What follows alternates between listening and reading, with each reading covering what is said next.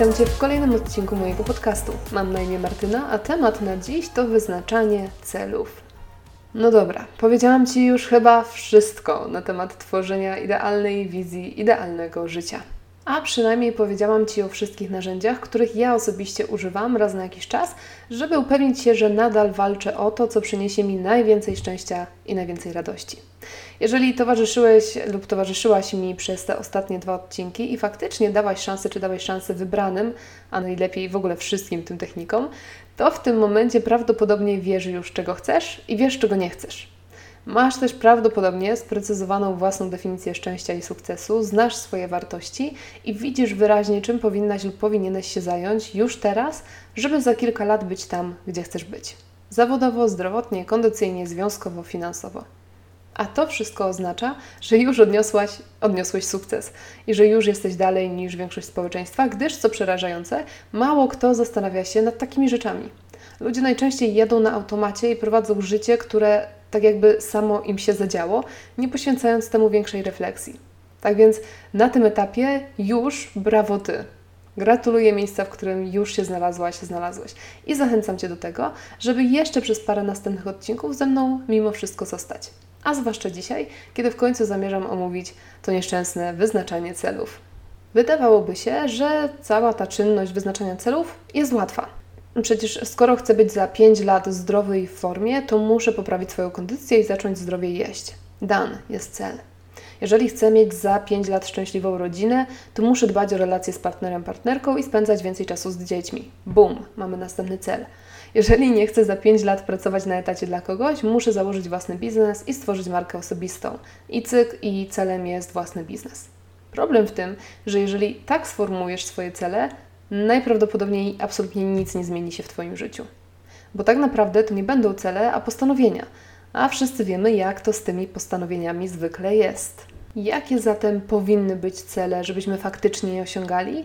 No i tu muszę powiedzieć o kolejnym bardzo szeroko już znanym pojęciu. Nie trudno natknąć się na nie w internecie, więc jest spora szansa, że już też to znasz.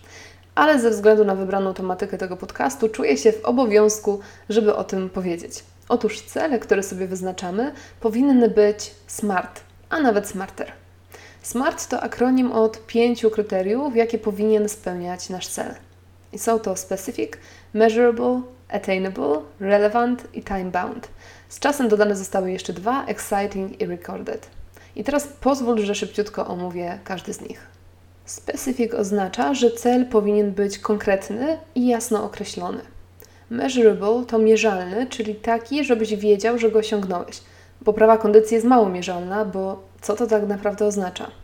Attainable, czyli inaczej osiągalny, oznacza, że cel powinien być wyzwaniem, żeby motywować, ale musi być realnie możliwy do osiągnięcia. Relevant, czyli istotny. I to niby wydaje się być oczywiste, ale bardzo często wyznaczamy sobie cele, które tak naprawdę nie są ważne dla nas osobiście – a wyznaczamy je po prostu, bo wypada, bo trzeba, bo ktoś z zewnątrz, z bliskich osób mówi nam, że powinniśmy. Time bound, czyli określony w czasie. Mówi o tym, że każdy cel powinien być od razu powiązany z czasem, z czasem rozpoczęcia i z czasem zakończenia.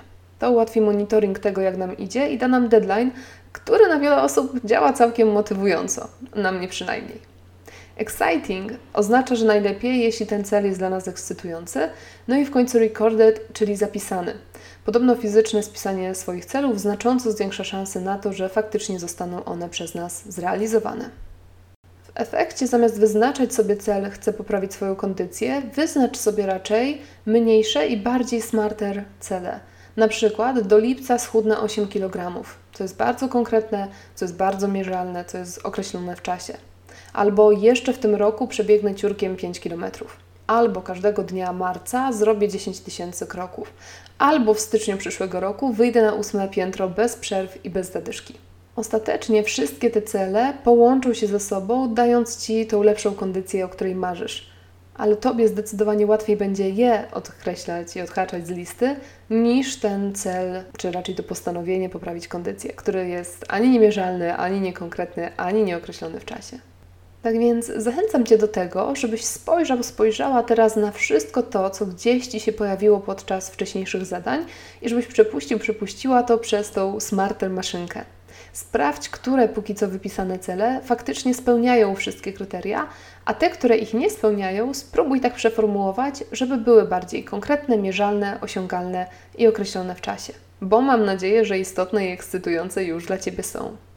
A zanim przystąpisz już do takiego ostatecznego spisywania swoich celów, chciałabym jeszcze powiedzieć o dosłownie czterech bardzo krótkich, bardzo szybkich rzeczach. O tym, o czym warto myślę pamiętać, wyznaczając właśnie swoje cele. Po pierwsze, nie bój się zbyt małych czy zbyt szczegółowych celów. Po drugie, zadbaj o to, żeby oprócz ambitnych i ciężkich celów na Twojej liście to do znalazły się też przyjemności. To jest ważne dla naszej równowagi w życiu i dlatego, żebyśmy nie żyli tylko pracą i zobowiązaniami, ale żebyśmy też żyli, po prostu żyli, kropka, w międzyczasie. Po trzecie, pamiętaj, że Twoje cele nie są wyryte w kamieniu, więc nie bój się wracać do swojej listy co jakiś czas i poprawiać ją. Część celów przestanie być Twoja, a za to pojawią się w ich miejsce inne. Pozwól więc, żeby ta Twoja lista celów żyła. No i w końcu wyznacz sobie momenty, w których będziesz robić przegląd tej listy. Spisanie jej i włożenie do szuflady nic Ci nie da. Musisz przeglądać ją przynajmniej raz na kwartał, może nawet raz na miesiąc, żeby odświeżać sobie w pamięci to, co chcesz osiągnąć. Życie codzienne potrafi nas totalnie zakręcić i sprawić, że zapominamy o naszych celach, albo wydaje się nam, że przecież mamy jeszcze dużo czasu, a potem ten czas leci i no i znasz resztę tej historii.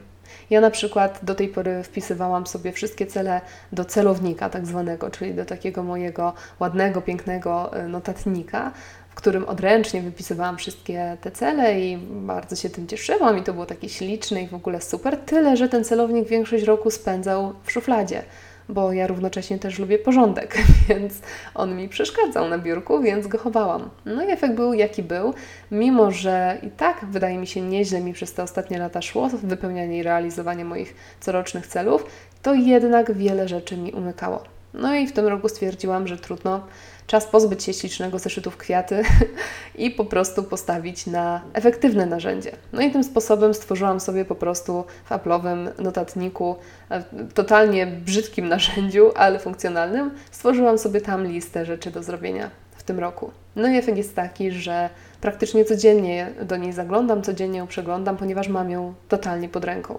A ponieważ w notatniku mam też zakładkę, czy tam stronę, gdzie mam wypisane pomysły na odcinki, gdzie mam rzeczy do zrobienia tego dnia, gdzie mam książki przeczytane w tym roku, no to przez to cały czas jednak mielę tymi listami przeglądam je, no i te listy celów mam no, cały czas pod ręką. A dzięki temu każdego dnia przypominam sobie o tym, co jeszcze chciałam osiągnąć i zrobić w najbliższym czasie.